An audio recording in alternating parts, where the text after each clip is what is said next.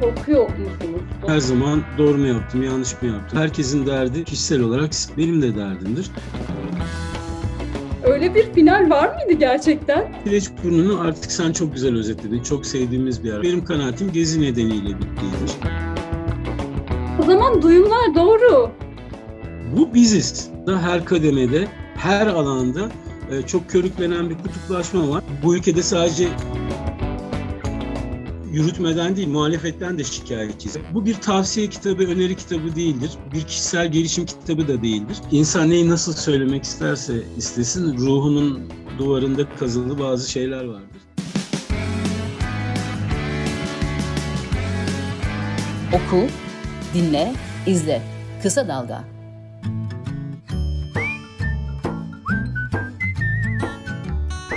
Time Code programından herkese merhaba. Bugün e, konuğum çok değerli bir isim. E, sinema ve tiyatro oyuncusu, aynı zamanda yönetmen Ahmet Mümtaz Taylan. Hoş geldiniz Ahmet Bey. Hoş bulduk Yeşim. Nasılsınız? İyiyim, teşekkürler. Nasılsınız? Yorgun görünüyorsunuz. Bir parça koşturdum geldim, evet.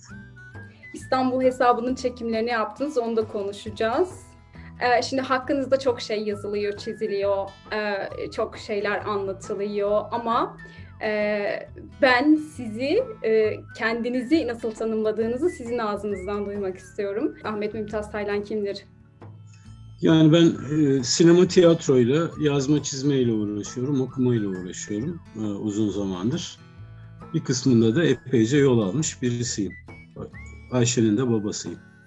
İç dünyanızla ilgili aslında bir şeyler öğrenmek için bunu sormuştum. Yani işte e, iç dünyanızda olan zıtlıklarınız, yaşamla olan veya karakterinizde e, zıtlıklarınız var mı? Yani genel olarak sakin birisiyim. Çalışırken biraz daha stresli olurum. Ee, o da e, e, işimi çok önemsediğim, iyi yapmak istediğim için. Çünkü bizim işimiz çok e, ortalama yapıldığı zaman insanı mutlu etmeyen bir şey. Muhakkak ortalamanın üstünde olmak zorundasınız. İddialı bir iştir yani. Bu yaygın olan bir şey var.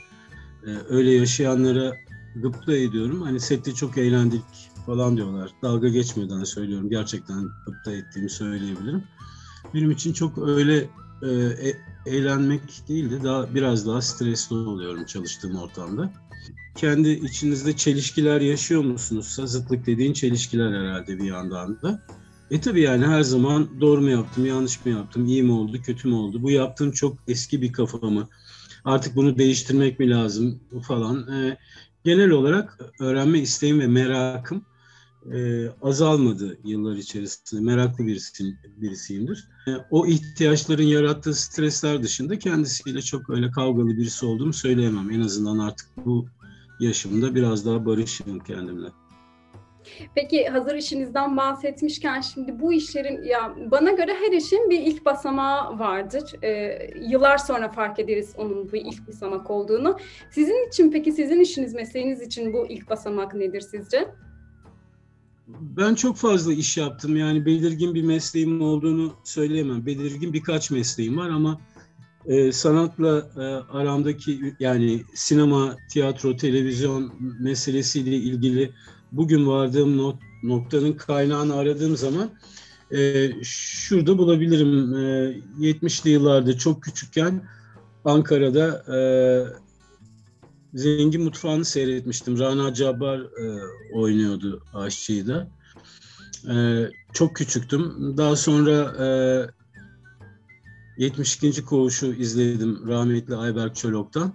Ankara Sanat Tiyatrosu'nda. Çok küçük yaşta gittiğim o şeyler e, tiyatro oyunları seyrettiklerim birazcık yavaş yavaş bende bir bu işi yapmak ne kadar güzel, ne kadar hoş, yapılabilir mi duygusu yaratmış olmalı. Daha fazla bilinç gösterecek yaşta değildim. Ama e, 1989'a gelindiğinde İktisat Fakültesinden sonra konservatuar okumak için evet bir tercih yaptım ve harekete geçtim. Herhalde kaynağı e, o çok küçük yaşlarda tiyatro izleyicisi olarak e, bu işe meftun olmakla başladı. Peki ben gördüğüm kadarıyla benim söylediklerimin zıttını da söyleyenler olmuş ama ben sizin muhteşem bir yaşam enerjinizin, dinamik bir yaşam enerjinizin olduğunu düşünüyorum. Ee, bu dinamikliği ve bu enerjiyi besleyen e, nedir? Yani mutluluğunuzun kaynağı nedir? Şimdi e, birincisi ben insandan kışkırırım. Yani e, güzel, iyi insanlarla karşılaştığım zaman, tanıştığım zaman e, bu e, en çok bana hayat e, e, neşesi veren, neşe veren hayatta şey insan ilişkileri, güzel, düzgün, e, olgun, e, iyiliğin hakim olduğu, paylaşmanın hakim olduğu, mümkün olduğu kadar az öz, e, ön yargılı e, şeyler, ilişkiler diyebilirim. Motivasyonum budur. İkincisi de e, çok dinamik ve kolay eskiyen, e, kolay eskidiğiniz bir iştir e, oyunculuk, yönetmenlik hepsi yeniden çok uzak kalabilirsiniz. Çok kolay eskiyebildiğiniz işler. O nedenle e, o, o konuda o tespiti yapmış ve buna panzehirler e, geliştirmiş e, bir profesyonel olarak e, genç insanlarla e, iletişimde çok her zaman motive olurum. Yani yeni oyuncular, yeni yazarlar, yeni yönetmenler, e, genç müzisyenler, e, başta kızım olmak üzere genel olarak genç insanlar. O da işte 21-22 yaşına geldi yaklaşık olarak. E, onların pratikleri, onlarla bir şey paylaşmak beni çok motive ediyor. Yaşam enerjisi değil, mutlu mu? Mutluluk kısmını bilmiyorum. Yani ben öyle tam tanımlayamam mutlu birisiyim falan. Kolay da mutlu olan birisi değilim aslında.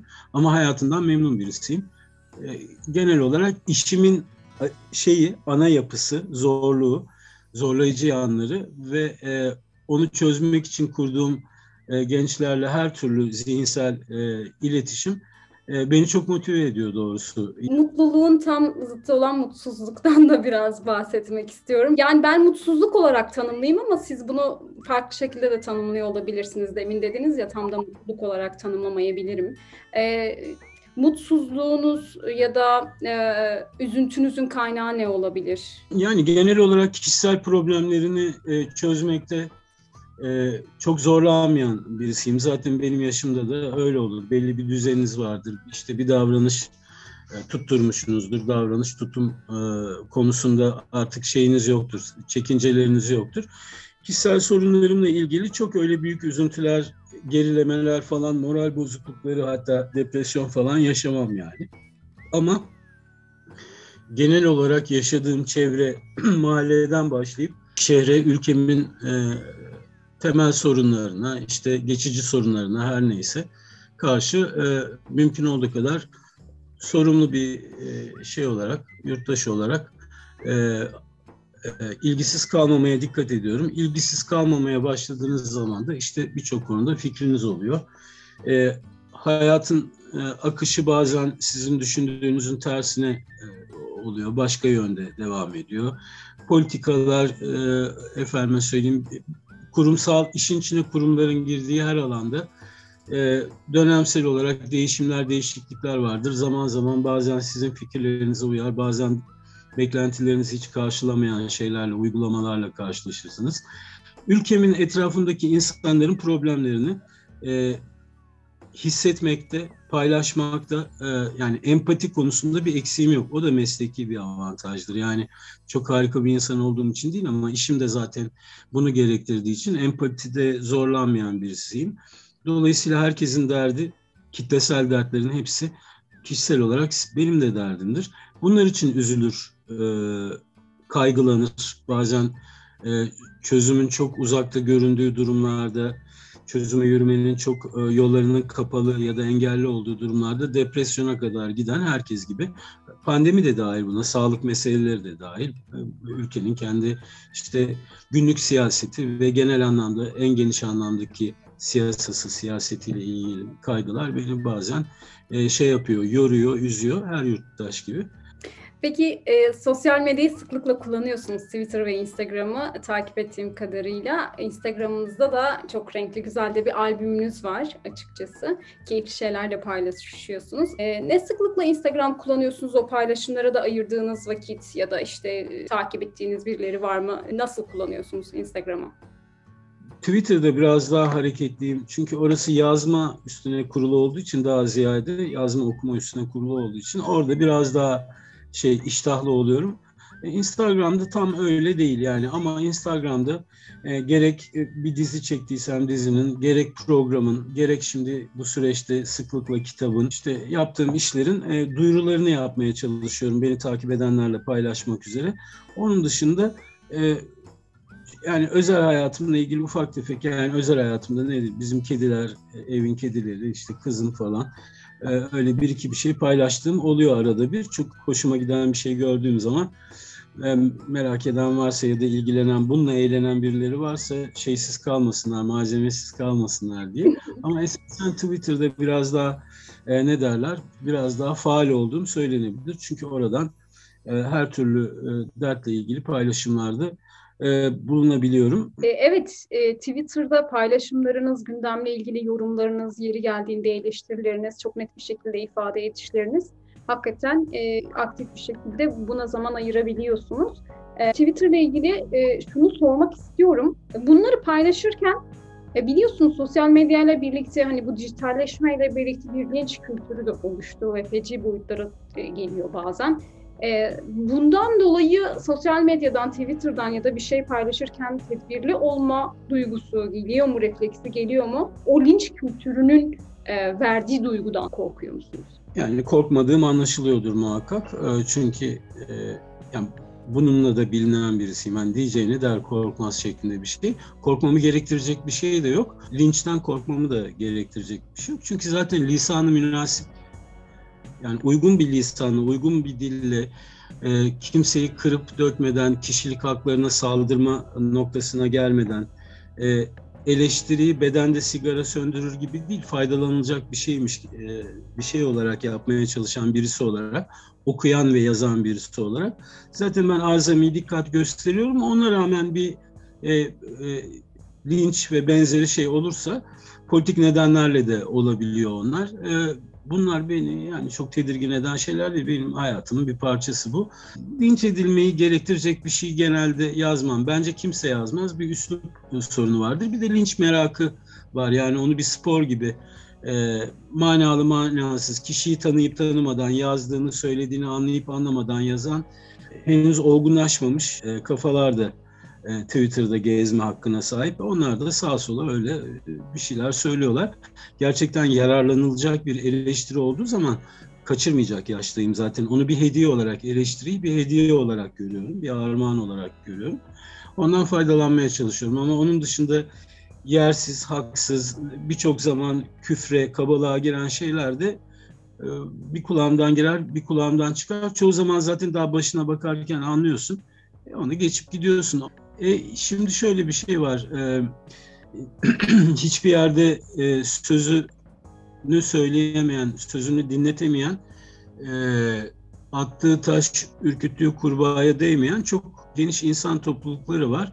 Onlar kendi personalarını da ortaya koymadan e, yumurtaların arkasına saklanarak, e, yumurta kafaların arkasına saklanarak veya bazı e, müstehar isimlerin arkasına e, saklanarak çok gürültü yapabilirler ama zaten bunu dikkate alacak vaktimiz ve şeyimiz yok. Şunu söyleyebilirim. Zaten insanın hayata karşı tutumu, kullandığı dil, üslup konusunda e, hassas bir insansa bunu zaten tweet atarken de ya da bir yere resim, fotoğraf koyarken de, eleştiri yaparken de, övgüsünde de e, dik, e, kendisi halleder yani. Dolayısıyla bende otosansür de yok. Oto kontrol var yani kontrolsüz olmamak. E, kendimi de hiçbir zaman sansürlemem. Zaten sansür karşıtıyım. Açık biçimde her yerde her türlü sansüre karşı olduğunu söylüyorum. Dolayısıyla kendime de o sansürü uygulamıyorum ama kontrollü olmaya dikkat ediyorum. Çünkü kendi başımıza bir yerde ulumuyoruz yani e, insanlarla iletişim kurmaya çalışıyoruz. Söylediğimiz sözün bir karşılığı, bir etkisi olsun istiyoruz. O istediğimiz, aradığımız etki başkalarını şok etmek, canını yakmaksa bunun bende bir karşılığı yok. Ama olumlu anlamda bir etkiden bahsediyorum. Onun için de herkes sazın, sazına, sözüne dikkat ediyor zaten. E ben de dikkat ediyorum. Dolayısıyla da linçti, bilmem neydi bunlara kafaya takacak bir şey yok yani önemli değil. Peki Instagram paylaş, paylaşımlarınızdan e, İstanbul hesabını öğrendim ben. Oradaki kısa kısa videolardan ve İstanbul hesabına öyle göz attım, öyle bölümlerine baktım. Biraz İstanbul hesabından bahsedelim. Bu fikir nasıl çıktı, nedir bu İstanbul hesabı? E, Gain'de paylaşılıyor e, videolar. Her çekimde farklı bir semttesiniz, İstanbul'un semtlerini geziyorsunuz. Bir de bir 50 TL bütçeniz var, onunla gezmeye çalışıyorsunuz. Biraz anlatır mısınız nasıl çıktı fikir? Televizyonda e, sadece dizi film e, değil de program da yapmak istiyorum. Zaman zaman çünkü televizyonun etki alanı e, geniş ve çok direkt bir e, şey e, iletişim aracı. Doğru düzgün program seyretmeye çok meraklıyımdır. Belgeselle gezi programlarına meraklıyım. Yerli yabancı kanallarda düzenli olarak o tür programların vaktim olduğu sürece müdavimi olduğumu söyleyebilirim. Doğal olarak kendinde e, acaba ne yapsam ne etsem diye arada bir düşündüğünde benim de öyle birikmiş bir program dosyam var. Sadece bu değil başka işlerde. İstanbul hesabı başka bir isimle ve bu içerikle 5-6 yıl önce düşündüğüm birkaç e, ana akım medyaya götürdüğüm bir işti. O zaman yani bunu e, şey bulmadılar, e, televizyonda göstermeye değer bulmadılar. E, nedeni de işte e, bu tür şeylere para vermek istemiyorlar. Hani drama falan daha uygun, daha geniş kitlenin hemen satın alacağı bir şey. Türkiye'de de hayata geçince dijital platformlar böyle bir segment oluştu. E, 8-10 dakikalık, 15 dakikalık. Gerçi ben 13-15 dakika diye başladım ama şimdilerde genelde galiba 25-27 dakika veriyoruz bölümü. E, Gain e, ilgilendi. E, Gain için o programı yapmaya başladım. 50 lira meselesi de şöyle bir şey. Yani bu programın derdi aslında İstanbul'u tanıtmak değil. İstanbul'un tarihinden bahsetmek de değil yalnızca. Semtler meselesi de değil. Bu programın meselesi bu şehirde birlikte yaşayalım. Şehrin nimetlerinden birlikte faydalanalım. E, semtlere görünmez sınırlara bölünmeyelim. E, ki birlikte yaşama kültürü sosyalleştiğimiz alanlarda iç içe yaşayarak gelişsin. E, bunun için aslında insanları birbirine çağırmak için düşünülmüş e, bir program. Orada da şöyle bir payda var. Yani bir yere gidip gezip tozmak, biraz orada vakit geçirmenin bir bedeli oluyor ya. Çoğu zaman insanları durduran o bedeli ödeyemeyecek durumda olmak ya da ödeyemeyeceğini düşünüyor olmak olabilir.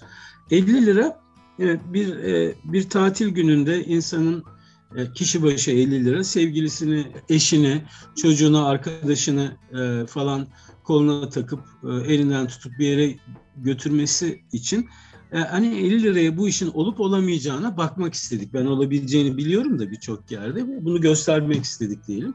Çok zor. Yani e tabii yani 50 lira zaten daha, çalışıyorsunuz bir yere gitmek iddialı bir şey. Ama esasen benim yapmak istediğim şey o değil. Şu 50 lirayla bile çıkıp gittiğiniz zaman yapabileceğiniz şeyler var. Evet yani bir yerlerde oturup içkili bir sofrada e, vakit geçiremeyebilirsiniz 50 liraya.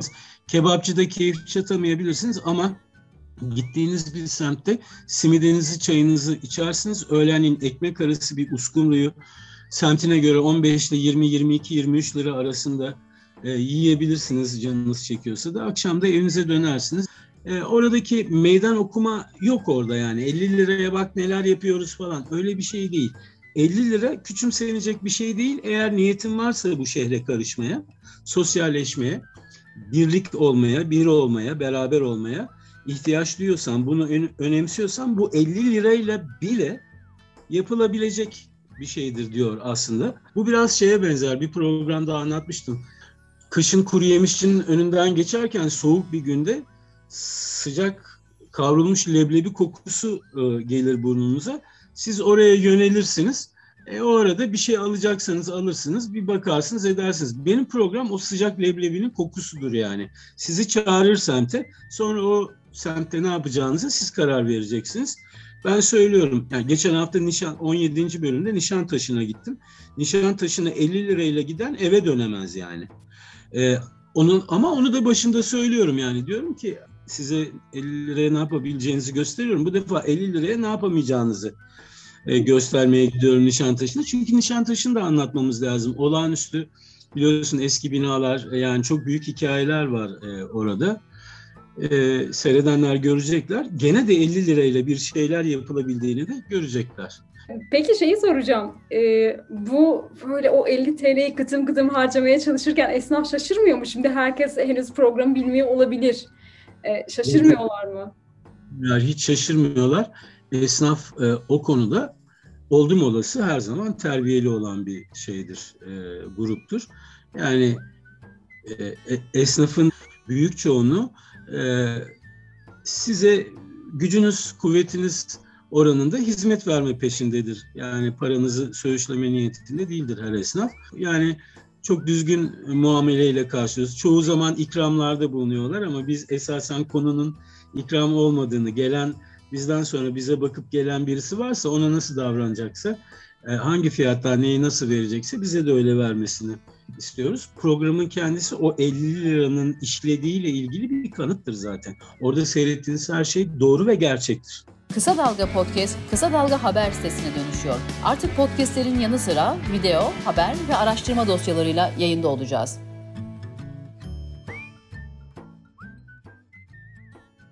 Kireç burnuna gittiğiniz bölüm çok beğendim. Çok da duygulandım. Siz de çok duygulanmışsınız. Erdal Bakkal'ın oradan geçerken bakamadınız falan. Hani e, birçok kişi için e, Leyla ile Mecnun'la bütünleşir Kireç burnu, Kireç burnu sahili. Sizin de tabirinizle Leyla ile Mecnun'un kart viziti. Siz neler hissettiniz o bölümde? Nasıl geçti? Valla işte, Kireç Burnu'nu artık sen çok güzel özetledin. Çok sevdiğimiz bir yer. Hayatımızın 3 yılı, 3 sezonu yani 2 yılı dolu dolu her gün Kireç Burnu'nda geçti. Herhalde girip çıkmadığımız hiçbir e, deliği kalmamıştır e, Kireç Burnu'nun. E, bir de orada sevilen, aranan, e, görülmek istenen, rastlaşılmak istenen insanlar olduk o zaman zarfında. O da çok büyük bir lütuf. Yani e, yaşamadığınız bir semtte seviliyor olmanın şeyi de lüksü de bambaşkadır. Her kapı kolayca açılır, naziktirler, sevecendirler insanlar. Bütün gün moralli gezersiniz orada eğer Leyla ile Mecnun ekibindenseniz. Dolayısıyla evet yani Kireçburnu'na gitmek evet hüzünlü bir şey o iş bitti falan filan. Özlediğini insan düşünüyor, ediyor ama Kireçburnu gerçekten ayrı bir program oldu. Çünkü e, insan neyi nasıl söylemek isterse istesin ruhunun duvarında kazılı bazı şeyler vardır. E, yani onlar e, çok şey yaptı, depreşti diyelim e, Kireçburnu'nda. Ben Seviyoruz biraz daha depreştireyim o zaman. Leyla ile Mecnun şimdi bitişi çok konuşuldu. Üzerinden de 8-9 yıl geçti ama ben hani bu konuyu da değinmeden geçmek istemiyorum açıkçası. Hani neden yayından kaldırıldı, neden yayından kaldırıldığı biraz belki tekrar etmiş oluruz ama yine de tekrar da edelim. Hani sizin ağzınızdan da duyalım. E, hem o süreç nasıldı? Şimdi set ekibine nasıl yansıdı? O süreç çok üzülmüşsünüzdür. Haber size nasıl geldi? Nasıl karşıladınız? Biraz o süreci anlatır mısınız? E, kime nasıl yansıdığını çok fazla bilemeyiz. Çünkü biz e, devam edeceğiz diye araya girmiştik. Dönüşte bitti dediler. Yani tekrar bir araya gelemeden dağılmış olduk aylar önce. Yani e, şey e, Burak farklı düşündüğünü söyledi. Burak Aksak farklı düşündüğünü söyledi. Benim kanaatim gezi nedeniyle bittiğidir. E, ama işte o da diyor ki yok o, o nedenle değil. Yani bizim reytingimiz düşüktü. Etki alanımız genişti ama reytingimiz düşüktü filan. Belki o yüzden. Yani TRT'nin oradaki e, gerekçesinin e, daha doğru olduğunu düşünüyor. Çok sorun değil. Öyle olabilir. Böyle benim düşüncem gezi nedeniyle kaldırıldı. Ee, ama şimdi tekrar yani kavuşma ihtimalimiz var. Ee, onu söylemiş olayım eski bir konuyu söylemektense. Evet yani. E, o zaman duyumlar doğru. Leyla Mecnun tekrar bir araya gelebilme. Anladım zaten senin kulağına gelmemiş belki ama burada da senin izleyicilerin e, paydaşların için de söylemiş olayım. Ee, yani şu anda e, planlama yapmaya çalışıyoruz. Bu yaz e, bir platform için, dijital platform için 10 bölüm çekme, daha doğrusu her sene 10 bölüm çekme gibi bir şey konuşuluyor. Gerçekleşip gerçekleşmeyeceği çok kısa bir süre sonra netleşir. Eksen için e, düşünülüyor. Eksen düşünüyor daha doğrusu bunu.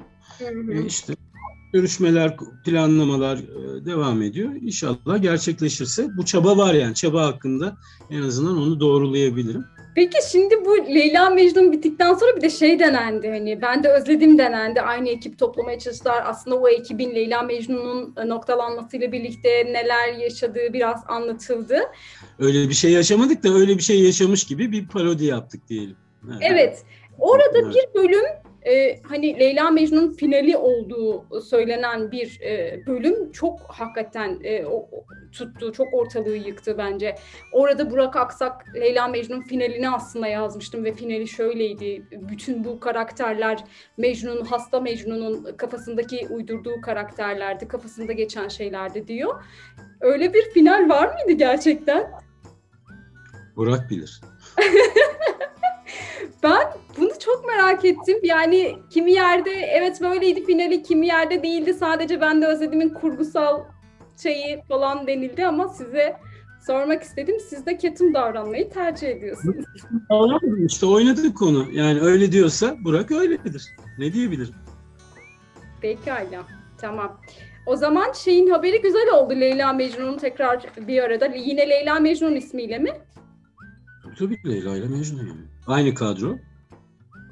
Yazarı, yönetmeni, oyuncuları. Her şeyle. Mu- muhtemelen yeni oyunculardı. Ne yazacaklar bilmiyorum e, Burak'la Onur. Evet yani bu konuşuluyor. Bunda bir, bir bir noktaya kadar gelindi. Gerisi benim söyleyeceğim bir şey değil. Daha e, yani tamam. bu kadarını söyleyeyim. Peki şimdi biraz Türkiye gündemini konuşmak istiyorum. Haliyle çok hararetli bir gündem. Siz ne kadarını takip ediyorsunuz? Gerçekten o stresli e, gündemden e, kurtulmaya çalışanlardan mısınız? Uzaklaşmaya çalışanlardan mısınız?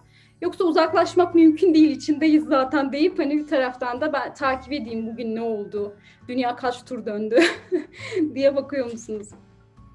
Valla ben e, akşam haberlerini izlemediğimi söylemeliyim. iki yıllık bir süredir. Yani bunun pandemiyle bir alakası yok. Çok öncesinde. E, yani Türkiye'deki habercilik, gazetecilik anlayışının çok erozyona uğradığı bir dönemde e, tek tip e, bir şeyi, e, iletişimi e, şey merak uyandıran bir şey olarak görmüyorum. Ama e, biliyorsunuz ki haber almanın tek e, yolu akşam ajans izlemek değil. Onun dışında işte başta sosyal medya olmak üzere hala kısmen bir miktar e, özgür basın falan bunlardan bir şeyler takip etmek, onların sosyal medya uzantılarından e, bir şeyler takip etmek mümkün. Her şeyden haberimiz var. Yani tek haberleşme şeyi, haber alma şekli o değil neyse ki. Eskiden de değildi, bugün de değil, hiçbir zaman da olmayacak. Çok çeşitli kaynaklar vardır e, haber aldığınız kaynakları beğenmemeye, tatmin olmamaya başladığınız zaman fark edersiniz ki başka yollardan da bunları öğrenmek mümkün. Dolayısıyla ben Türkiye'nin gündemini gayet iyi takip ediyorum. E, burada payımıza stres, depresyon, üzüntü, kaygı falan ne kadar düşüyorsa payımıza düşen kadarını alıyorum. Daha fazlasını sırtlamamaya çalışıyorum. Çünkü zor bir süreç ve e, ben biraz da bu psikoloji ile baş etmek için kullanılan çözümlerin bir parçasıyım. Yani işte drama ile uğraşıyorum, televizyon, sinema, yazma, çizme, dergicilik, e, işte falan programcılık, e, kitap derken yani e, orada çok enseyi karartma hakkına sahip değilim sorumluluğum gereği.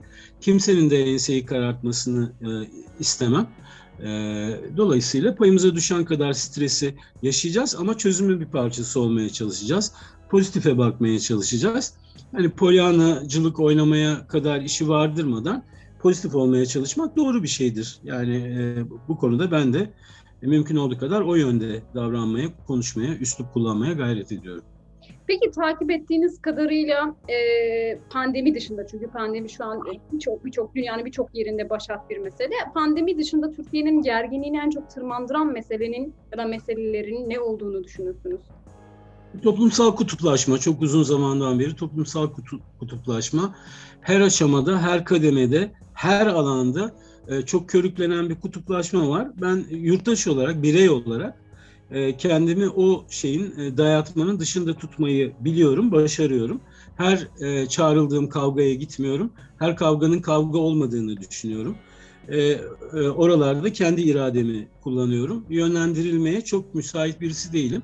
E, dolayısıyla geniş e, insan topluluklarına da çok lazımsa öyle davranmalarına sağlık verebilirim. Tavsiye etmem. Tavsiye etmek benim işim değil, yönlendirmek benim işim değil. Ben toplum mühendisi değilim.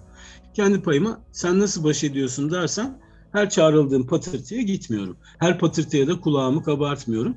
Kutuplaşmanın tamamen karşısındayım. Kendime bana benzemeyenlerle, benim düşüncemi paylaşmayan, hatta muhalif olanlarla da iletişim kurmaya çalışmaktan asla vazgeçmiyorum. Çünkü esasen önce onlarla, yani anlaşamayanlar, aynı konuda düşünmeyenlerin en çok iletişim kurması lazım ki birlikte yaşama kültürü e, ayakta kalsın ya da gelişsin varsa. Zaten birlikte yaşama kültürü yerlerde de ayağa kaldırmaya çalışıyoruz. Ama bunlar aşılacak. Bu ülke neler gördü? Koca bir imparatorluğun mirasçısı bir yandan da e, işte 100 yılı aşmış bir cumhuriyet e, var burada. Belki hayatın karşısında çok uzun, çok büyük süreler falan değil Cumhuriyet'in süresi. Aslında hala gençlik çağında ya da hatta ergenlik çağında bir cumhuriyet burası. Hayatın karşısına baktığımız zaman dünyanın yaşına. Ama sorunlarını çözüyor, çözmeye çalışıyor. Çözüme uygun e, şeyleri var, fikirleri var, yurttaşları var, genç nüfusu var. E, eski iyi olmayan alışkanlıkları fırlatıp bir kenara atabilecek zaman içerisinde her türlü melaneti revize edip hayatın normal akışına çevirebilecek genç bir kitle var. Onlar ayrışmıyor bence. Onların ezberleri üst kuşaklar kadar güçlü değil. E, ezbere de o kadar yatkın da değiller. E, hepsi aşılacaktır. E, önemli olan şey birbirimizden yüzümüzü çevirmememiz, umudu kesmememiz. Konuştuğumuz bu sorunların toplamının çözümünde çözümünü tıkayan ne? Çözümün önündeki engel ne sizce? Toplum e, homojenize bir şekilde bir şeyi reddetmez ya da kabul etmez. Bu konuda farklı e, sesler, düşünceler, fikirler olması çok anlaşılır bir şey. O konularda anlaşamayanların bir araya gelip ortak insanlığın ortak değerleri için, bu ülkenin aydınlık geleceği için, çocuklarımız için değil mi? Bir şekilde iletişimi başlatması ve bu konuda olumlu bir biçimde davranışını, tutumunu sürdürmesi gerekir. Ee, bu biziz. Ha buna müsait bir ortam var mı? Yürütme buna çok teşne mi değil mi? Olabilir, olmayabilir. Olmadığı bir süreçteyiz. Yani kutuplaşma daha çok e, sanki e, şu anda hükümetin işine yarıyor gibi görünüyor. Çünkü yani çok kolay bir şekilde o şeyleri ayrıl ayrılma noktalarını, kırılma noktalarını çok fazlaca ateşliyor gibi görünüyor. Öyle bir benim de öyle bir düşüncem var. E, koşarak buna katkıda bulunup bulunmamak bireyin iradesindedir.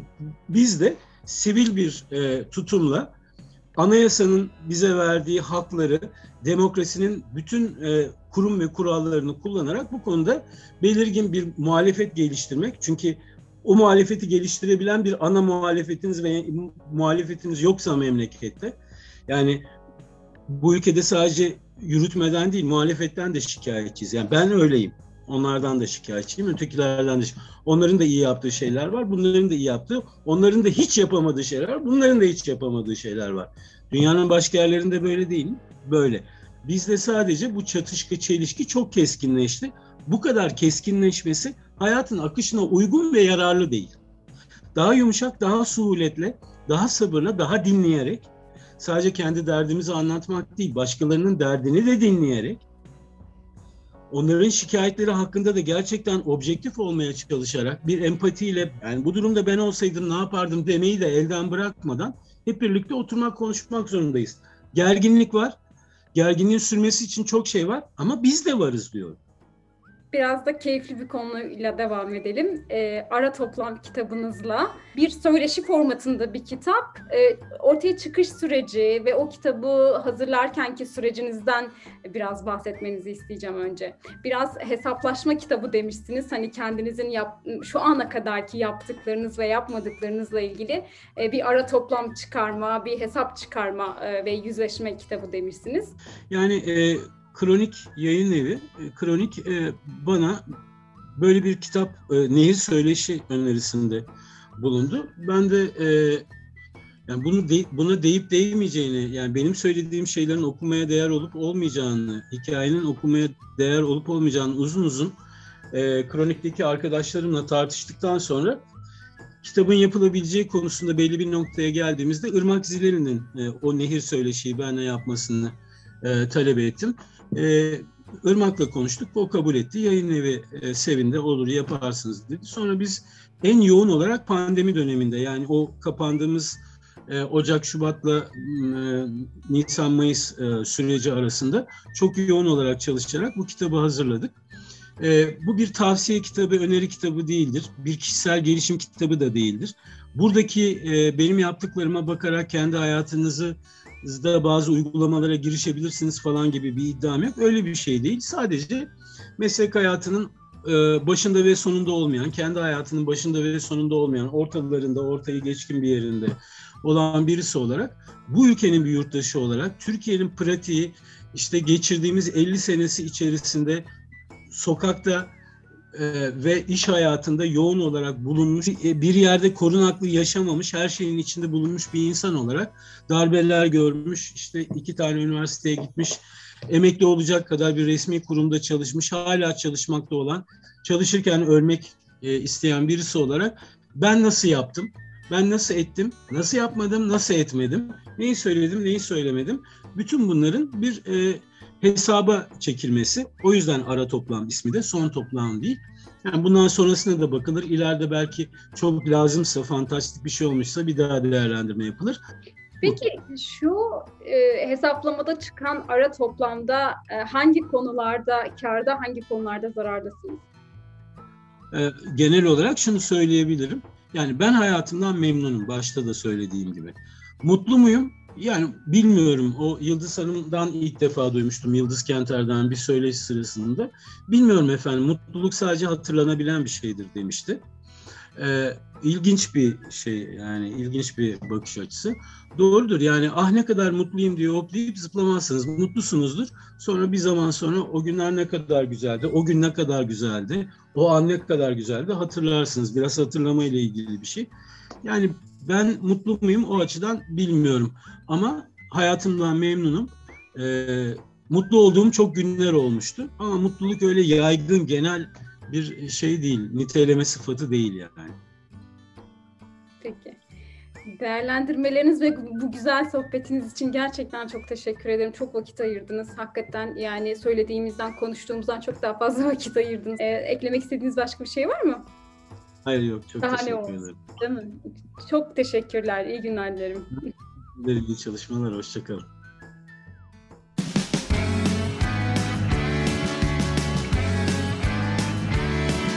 Kulağınız bizde olsun. Kısa Dalga Podcast.